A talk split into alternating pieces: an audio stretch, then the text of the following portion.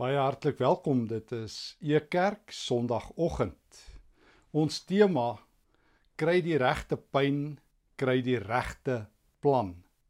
Kom ons vra die Here om vandag ook vir ons te lei. Here, u woord is die lig vir ons pad en die lamp vir ons voet. Ons bely dit, ons glo dit en ons aanvaar dat u vandag deur die Heilige Gees ook vir ons in die waarheid sal lei in Jesus se naam. Amen. Ons staan stil by die boek Nehemia vandag en so die Heer wil volgende Sondag. Dit is so dat ehm um, as jy die uitdrukking hoor, hy het dit ver gebring, dan weet jy onmiddellik iemand het 'n groot sukses van hulle lewe gemaak.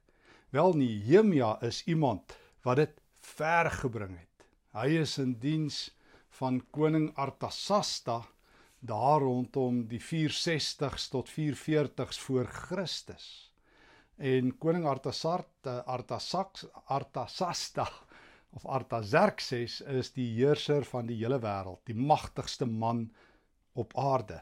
Nehemia, sy ouers was sekerlik deel van die ballinge wat weggevoer is na die buiteland toe toe Jerusalem geval het, daar rondom die jare 586 voor Christus.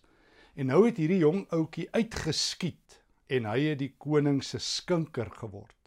Nou in die Bybelse wêreld was 'n skinker eintlik die koning se raadgewer. Hy het bygestaan wanneer die koning sy groot geheime gedeel het, wanneer die koning beraadslaag het, wanneer hy fees gevier het en uh, hy was gewoonlik die koning se konfidant. So sy minister van interne sake of so iets sou mens vandag kon sê.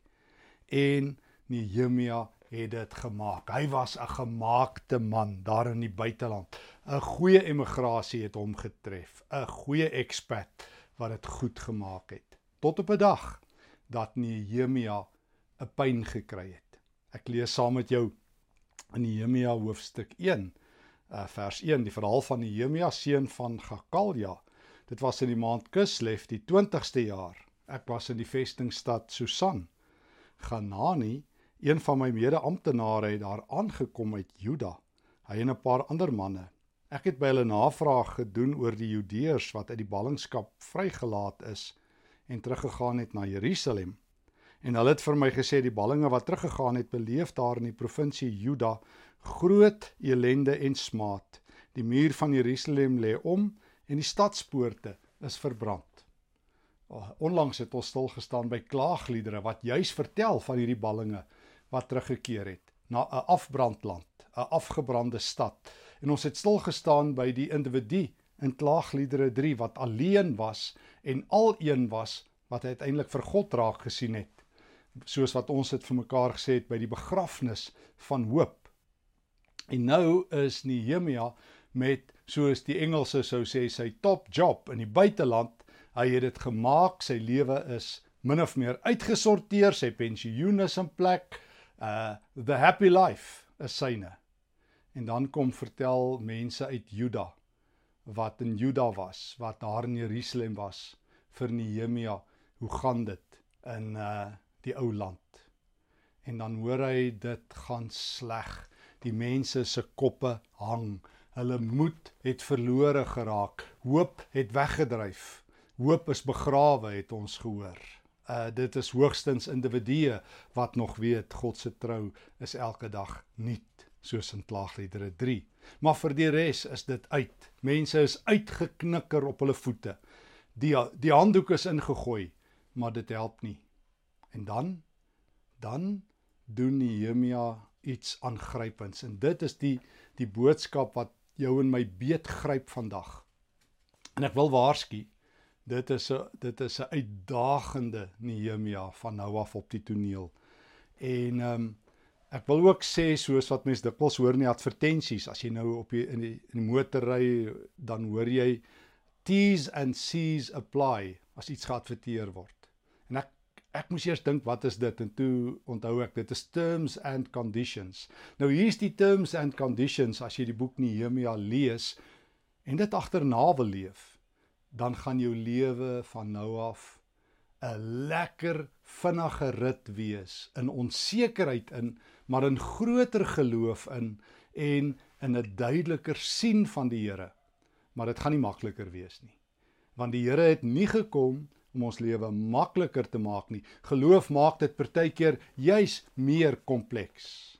Want God het ons nie geroep om doodgewoon maar net rustig te lewe nie.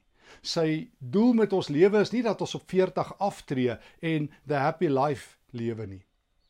Saam met Paulus in Handeling 21 is ons geroep om ons lewe op te leef en uit te leef en klaar te leef vir Jesus. Ons is nie bedoel om so 'n stempeltjie op ons te hê gepreserveer tot en met my dood nie. Um rak leeftyd um is opgestempel en ons hang op die rak rond totdat dit aanbreek nie. Die Here het bedoel dat ons ons lewens op en uit moet leef vir hom. Vra van Nehemia. Die oomblik toe hy hoor hoe dit gaan in Jerusalem, al is hy baie baie ver van daar af in die buiteland, gebeur daar iets. Nehemia kry 'n pyn. Ja, jy het reg gehoor, Nehemia kry 'n pyn. Nou, ons weet van pyn, ons almal het dit een of ander tyd. Ons ons weet ook van mense wat 'n pyn is. Ons het mos al gesê ou so en so is 'n regte ou pyn in die nek. Party mense is 'n pyn, ander ouens gee 'n pyn af. As hulle naby kom, dan weet jy o, hier kom moeilikheid. Maar maar Nehemia het 'n pyn. Hy het 'n pyn wat van die Here afkom. Met eens gryp God sy hart. En hier's die ding, alle mense, alle mense wat die wêreld in God se naam anderster gemaak het, beter gemaak het. Jy noem hulle van die begin af, Josef, Moses. Jy kyk na al die Bybelhelde, Paulus, Nehemia. Jy kyk na die moderne leiers, Augustinus van die 5de eeu, Luther van die 16de eeu, Moeder Teresa. Jy praat, Billy Graham, um, Andrew Murray het 'n pyn gehad wat van God afkom. 'n Pyn dat dinge nie kan aangaan soos wat dit aangaan nie. 'n las wat van die Heilige Gees afkom. Nou ons almal het 'n pyn. Jy moet net die koerant lees uh, in die oggend as jy opstaan. Dan het jy drie nuwe pyne nog voordat die dag gebreek het en jy jou eerste slukkie koffie agter die blad het. Dis nie daai soort pyn nie. Um dit is 'n las wat van die Heilige Gees afkom. En Nehemia kry hierdie las van God vir sy volk wie se koppe hang wie se geloof weg is. Hulle kan nie meer opkyk nie, hulle kyk af. Hulle is verslae. Hulle het nie meer moed nie. Gaan lees maar weer klaagliedere. Hoop is weg. En God plaas honderde, der honderde kilometer van daar af in een man se lewe 'n las. En met eens maak niks meer saak nie. Die oomblik wanneer God so 'n las op jou gee, verander alles. Oor regdeur die eeue sien ek mense met so 'n las. Ek het genoem van Paulus. As God hom in Handelinge 9 uh, as hy in Christus Jesus vasloop op die pad Damaskus toe, verander alles. En met eens is Paulus se voorspelbare lewe. O ja, hy was 'n Fariseer en alles was mooi uitgewerk. Hy was 'n gemaakte man tot die eind van sy lewe. En toe loop hy in Christus vas. En soos ons vir mekaar al gesê het, dit was 'n noodlottige kop aan kop botsing. Paulus het gesterf, die ou Paulus, 'n nuwe Paulus het opgestaan.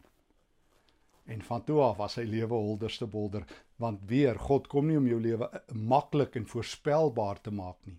As jy in God wil glo om 'n voorspelbare lewe te hê, glo jy waarskynlik in die verkeerde God.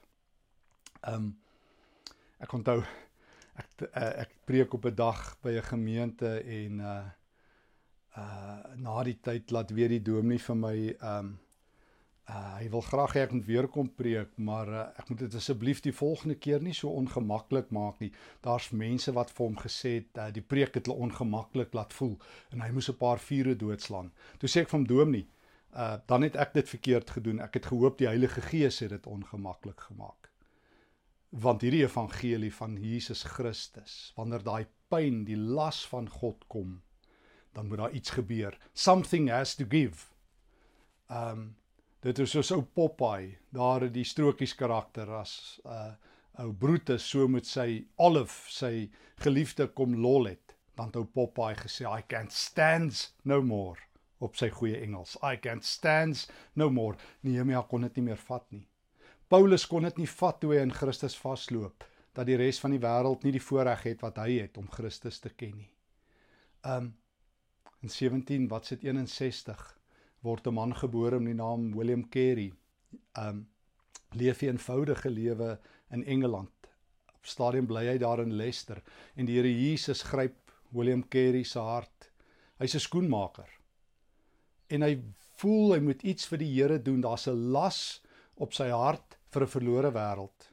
Want dit is die las wat die Heilige Gees vir ons gee wat ek so skreiend afwesig sien in Christelike kringe. Niemand is meer bekommerd dat mense verlore gaan sonder Christus nie. Niemand gee meer 'n snars om dat die wêreld donkerder en donkerder word en dat um, mense nie die Here ken en aanbid nie. Paulus kon dit nie vat nie. William Carey kon dit nie uitstaan nie. En toe word hy 'n leuke prediker in die Baptiste kerk. En so vertel hulle op 'n dag het hy in Northampton 'n kongres bygewoon oor evangelisasie en almal het planne gehad, maar niemand wou iets doen nie. Want want as jou pyn nie 'n pyn is wat van die Here afkom nie, is dit maar net 'n pyn. Dan is jy maar net kwaad oor die land wat uitmekaar val en die wiele wat afval en nog probleme. Maar wanneer die pyn van die Heilige Gees jou gryp, soos vir William Carey, toe sê hy, maar ons moet iets doen. Ons moet iets doen en daar volgens oorlewering het jy van die kerkleiers opgestaan uh, en vir William Carey gesê, "Sit down, young man. God doesn't need you. If the Almighty God wants to save the people of India, he will save them." En toe vra William Carey, "How will he save them if I don't go?" En in daai oomblik het William Carey se lewe kompleks geword. Die pyn het te ondraaglik geword en hy moes iets doen. Nehemia ook. Het jy 'n pyn? Ek vra 'n pyn of 'n las vir 'n saak, 'n persoon, 'n verlore gaande, vir 'n visie As jy nie het nie, dan is dit hoogtyd dat jy 'n pyn kry. God se pyn, die Heilige Gees se pyn, daardie las wat jou laat treur in Matteus 5 se woorde. Salig is die wat treur oor 'n wêreld wat uitmekaar val. Maar moenie net huil oor dit waaroor die res van Suid-Afrika huil nie. Ja, jy kan dit ook doen. En jy moet ook oor nog 'n sinnelose moord op 'n geliefde leraar en op baie ander mense in die afgelope week. Maar die Here soek 'n las wat hy op jou skouers wil neersit vir stikkindheid, vir verlorendheid, vir sy wêreld wat uitmekaar val. En dan kan jy net een ding doen. En as jy hierdie las ken, dan sal jy weet waarvan ek praat. By die aanhoor van hierdie woorde, Nehemia 1 vers 4, het ek gaan sit en gehuil en daar lank getreur. Ek het gevas en tot die God van die hemel gebid. Ek het gesê: "Ag Here, God van die hemel, Groot en ontzagwekkende God wat die verbond en die troue liefde handhaaf teenoor die wat U liefhet en die gebooie gehoorsaam. Luister tog, gee ag op die gebed wat ek die dienaar sonder ophou tot U bid. Ek bid vir die dienaars die Israeliete. Ek doen belydenis van die sondes wat ons teen U begaan het. Ook ek en my familie het gesondig. Ons het U nie geëer nie. Ons was ongehoorsaam aan die gebooie, die voorskrifte, die bepalinge wat U aan die dienaar Moses gegee het. O, dis wat jy doen as jy 'n pyn kry van God, as jy 'n las kry van die Heilige Gees. Alle mense begin bid wat dit het. Andrew Murray het begin bid in die Kaap. Um Martin Luther het begin bid. Het het gesê, Here, ek het hierdie las, het Luther gesê, vir vir 'n kerk wat verstik het in afgoderye en in goeie werke. Here, ek is net een. Ek is alleen. U het my aangegryp deur die woord. Wat kan ek doen? Wat kan ek doen, man alleen? En toe het hierdie pyn oorgegaan in 'n prentjie, maar dit begin by gebed. O, wanneer die Here las vir jou gee vir iemand wat verlore is in jou familie, wanneer die Here vir jou 'n visie gee vir 'n bediening wat van God afkom, nie maar net jou eie tyd verdryf nie, gaan dit jou letterlik oorneem. It will consume you ag as die Here net weer sal gee dat daar geestelike leiers in ons land nog meer sal wees wat wat nie maar net bediening doen nie 'n beroep aanvaar na 'n gemeente nie maar wat as manne en vroue van God hierdie vuur in hulle harte voel hierdie las voel vir 'n gemeenskap wat verlore is wat verstik in armoede wat wat wat honger moet gaan slaap vir 'n skepping wat vernietig word vir die natuur wat beskadig word en sê Here U Heilige Gees se vuur verteer my soos William Carey. Iets moet gee something has to give. Iemand moet iets doen. Is maklik om te sê ons bid God moet die wêreld verander. Maar Here hier is ek voor u. En wanneer jy so bid met 'n las kom jy nie met voorskrifte en eise as jy bid nie Ek is bekommerd as ek deesdae sien hoe mense wanneer hulle vir mekaar bid, amper sulke sulke verslae opstel oor hoe jy moet bid en wat jy vir God moet sê en wat jy moet claim en wat jy moet neem. So amper asof ons dink ons is God se raadgewers. Ons moet vir hom raad gee hoe hy ons gebede moet beantwoord. Ons is sy steering komitee vir hoe hy die wêreld moet verander. Ons het planne wat hy vir ons moet uitvoer. Dis nie wat Nehemia doen nie. Hy val voor God neer weerloos gestroop, kaal. O God, o God, hier staan ek. Ek het niks, my hande is leeg. Maar my hart is vol van pyn oor my land, oor my volk wat U nie raak sien nie. Oor mense wat in die hel instort as hulle Christus nie ken nie. Oor mense wat honger moet gaan slaap oor haat wat hand oor hand toeneem, oor Christene wat nie heilig lewe nie, oor Christene wat nie die naaste liefde van Christus uitleef nie, oor mense wat die skepping vernietig. O God, wat kan ek doen? Man alleen, vrou alleen, kind alleen. En dan doen hy nog iets, dan bely hy mense se sondes, syne en sy volk se. Here, ons is nie waar ons moet wees nie. Hy breek voor die Here. Sy hart smelt Daar's nie hoogmoed of arrogansie nie. In Jakobus 4 se taal val hy neer voor die Here in die stof. Dit is wanneer die wêreld begin verander.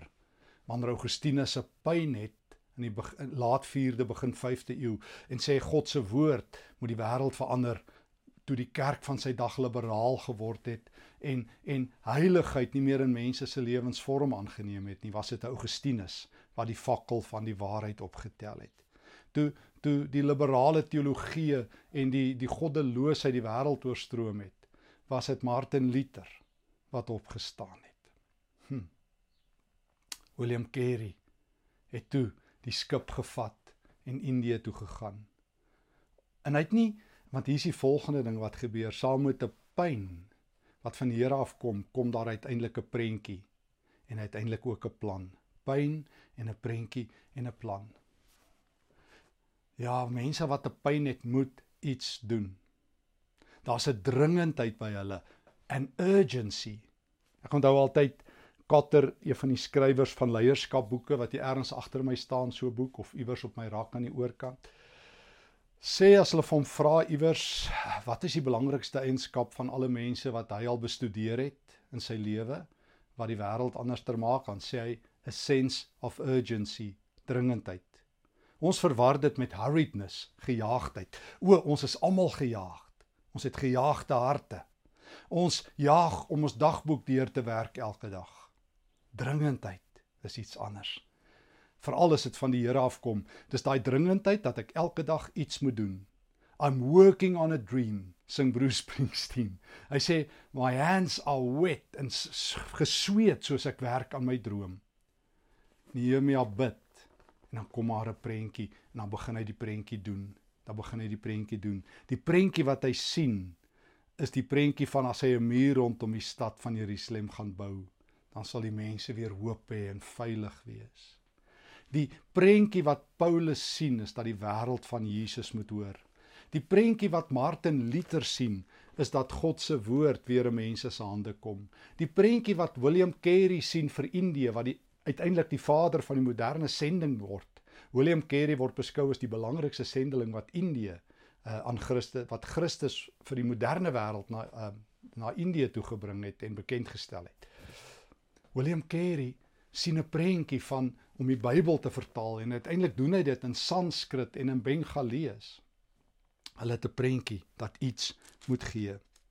En ek sien hoe Nehemia dieselfde doen, daar begin 'n prentjie by hom kom.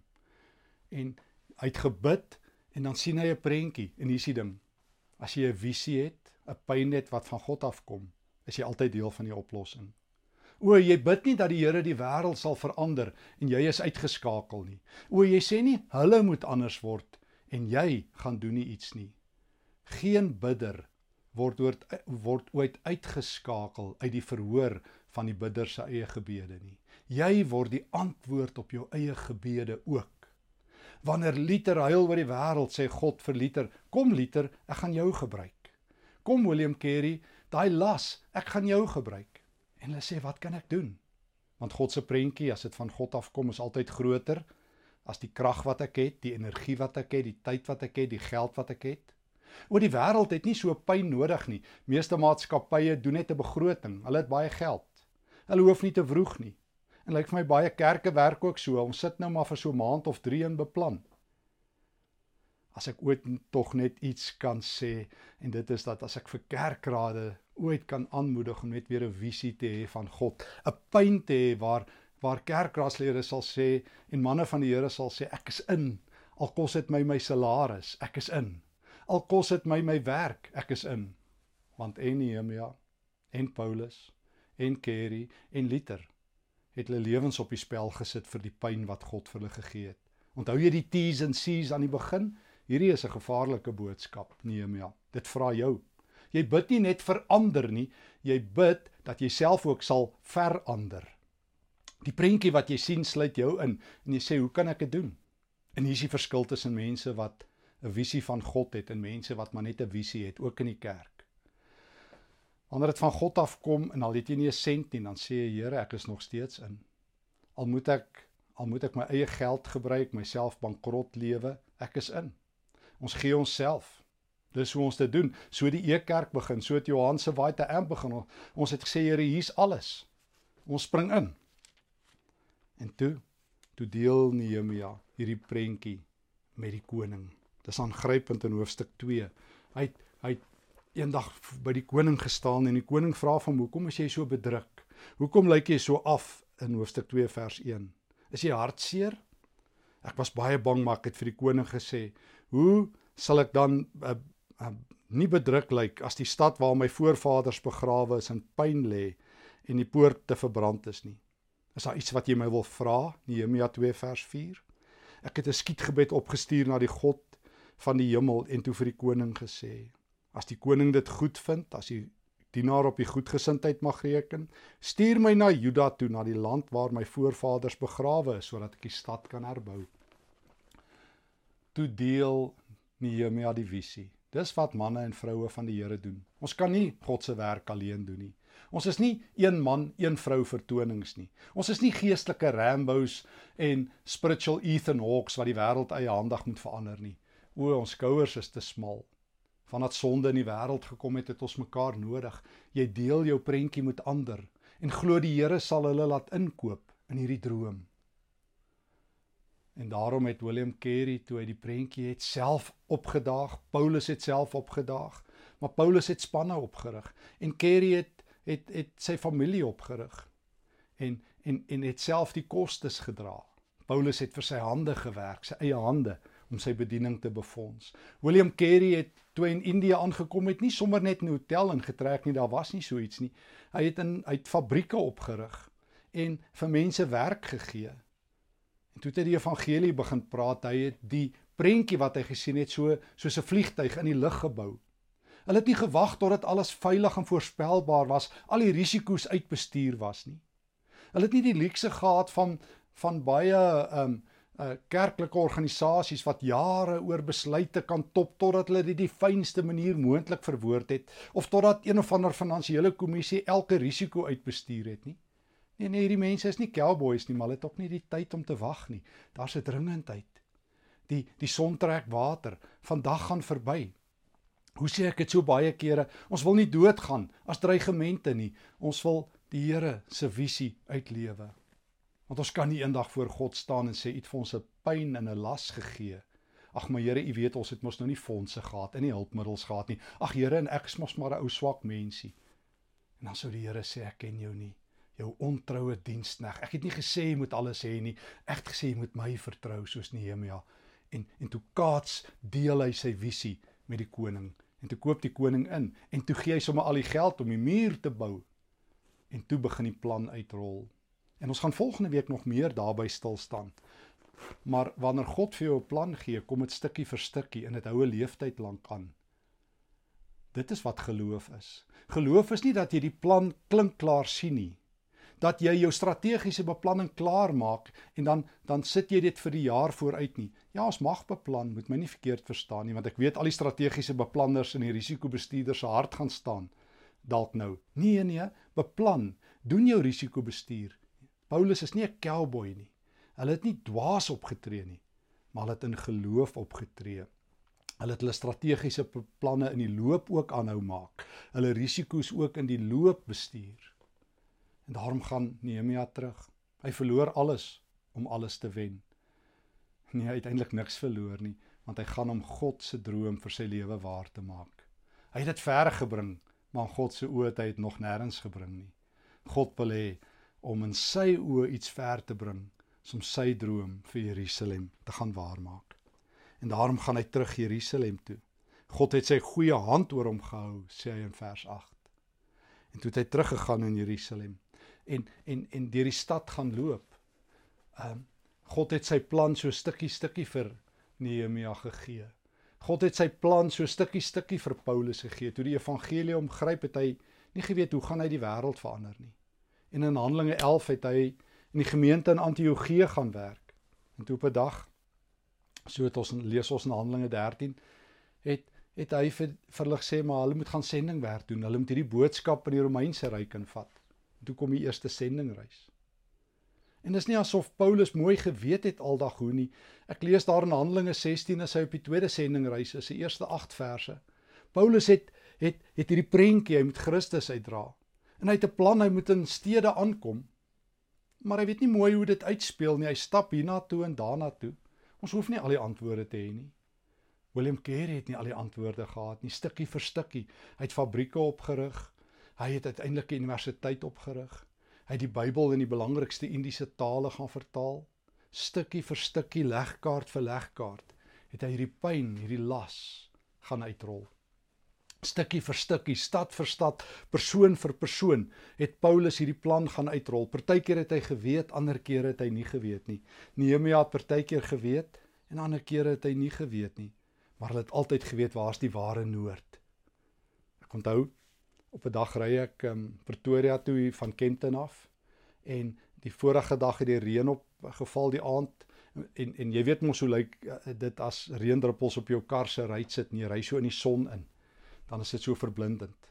En vir 'n oomblik toe die son so deur die wolke breek en die son so op my kar val, toe ek heeltemal verblind en ek kan nie sien waar ek moet ry nie. Al wat ek onthou is ek moet net aanhou ry in die rigting van die son op daai oomblik, want dis waar die pad is. Dis wat Paulus doen en Nehemia doen. En nou wil ek vir jou vra, het jy 'n pyn, 'n las?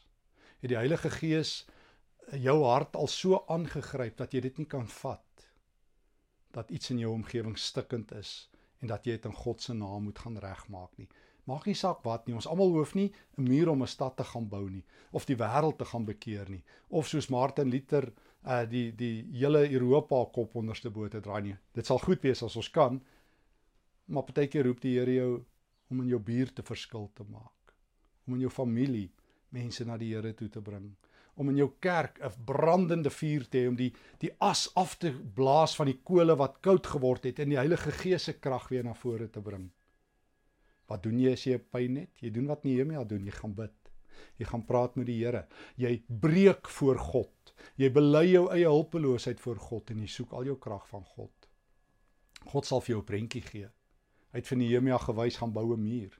Hy het vir Paulus gewys, vat net die evangelie en begin stap na verskillende Romeinse stede. Hy het vir Kerry gewys, gaan net Indië toe en begin net iets, bou 'n fabriek, vertaal die Bybel. Stap vir stap sal my plan ontvou. Doen net iets. Hou net aan om dit te doen. God roep my nie om suksesvol te wees nie, soos moeder Teresa gesê het, maar om gehoorsaam te wees. Maar dan kort jy en ek 'n visie en dan kort ek en jy 'n dringendheid. Uh Paulus sê vir ons die dag het al ver gevorder. Dis amper nag. Jou lewe het al 'n entjie geloop, maar dis nie te laat nie. Dis nie te laat om daardie las wat die Here vir jou gegee het uit te rol nie. Jy het 'n paar hande. Jy het knieë wat jy kan buig voor God. Jy het mense wat jy kan intrek in jou droom en jy het planne wat jy kan gaan uitvoer. Het jy 'n dringende hart? Het jy 'n sagte hart? Kom ek en jy bid saam, dan vra ek dat die Here vir jou en vir my 'n nuwe las sal gee. Here God, Suid-Afrika brand, die wêreld brand. En Christene dikwels sit net op die kantlyn, ek ook. Saam met Nehemia wil ek buig en sê Here, dis ek wat te min doen. Dis ek wat net toe kyk en my kop skud. Ek Ek smeek vir 'n las van die Heilige Gees vir Suid-Afrika, vir die wêreld, as ek in die buiteland is, vir daar waar ek is. Ek smeek U vir 'n las vir verlore mense. Here, ek weet nie hoe nie. Geef my 'n prentjie en leer my om om hierdie prentjie soos 'n vliegtyg in die lug te bou terwyl ek vlieg. Geef my 'n dringendheid deur die Heilige Gees. In Jesus se naam pleit ek dit. Amen. Verskoning. Volgende week gaan ons verder ry saam met Nehemia. Mag die Here hierdie pyn diep in ons hart skrywe. Voorreg dat jy saam met E-kerk reis. E-kerk is 'n geloofsvisie. Daar's 'n klompie mense werk saam by E-kerk. Uh 'n hele span Peer Engelbreg, uh ons bedryfshoof Willie Swart wat kyk na wat ons gemeente se bestuurder is by wyse van spreuke, uh ek self Rudolf Botha is betrokke, Ilani uh Botha is betrokke, hulle is nie getroud nie. Um Liz Swart is betrokke. Um Berdien Leroux help vir ons. Um so daar's 'n hele klompie bedienings. Ons vertrou die Heer om so by 50% van ons besittings ons geld weg te gee jy sou kan gaan kyk na al ons noodbedienings waarby e-kerk betrokke is. Bybelskole loop weer Vrydagoggende en dan van 20 Oktober af gaan ons vir vier Woensdaande regstreeks bietjie deur Lukas reis. Ons beplan op 4 November 'n groot Bybelskool, 'n learning community gratis. Die Amerikaanse spreker Louis Giglio onder andere gaan praat, Letty Boegner en ek self en Nelis van Rensburg en ons gaan gesels oor 'n heilige lewe, die publieke en die privaat lewe van 'n gelowige. Hoe leef ons heilig? Jy is so welkom en so dankie dat jy betrokke is by ons kosbare e-kerk. Ons wil Jesus sigbaar, voelbaar en verstaanbaar in die wêreld indra. Nou toe, kom ons gaan doen dit. Vrede vir jou.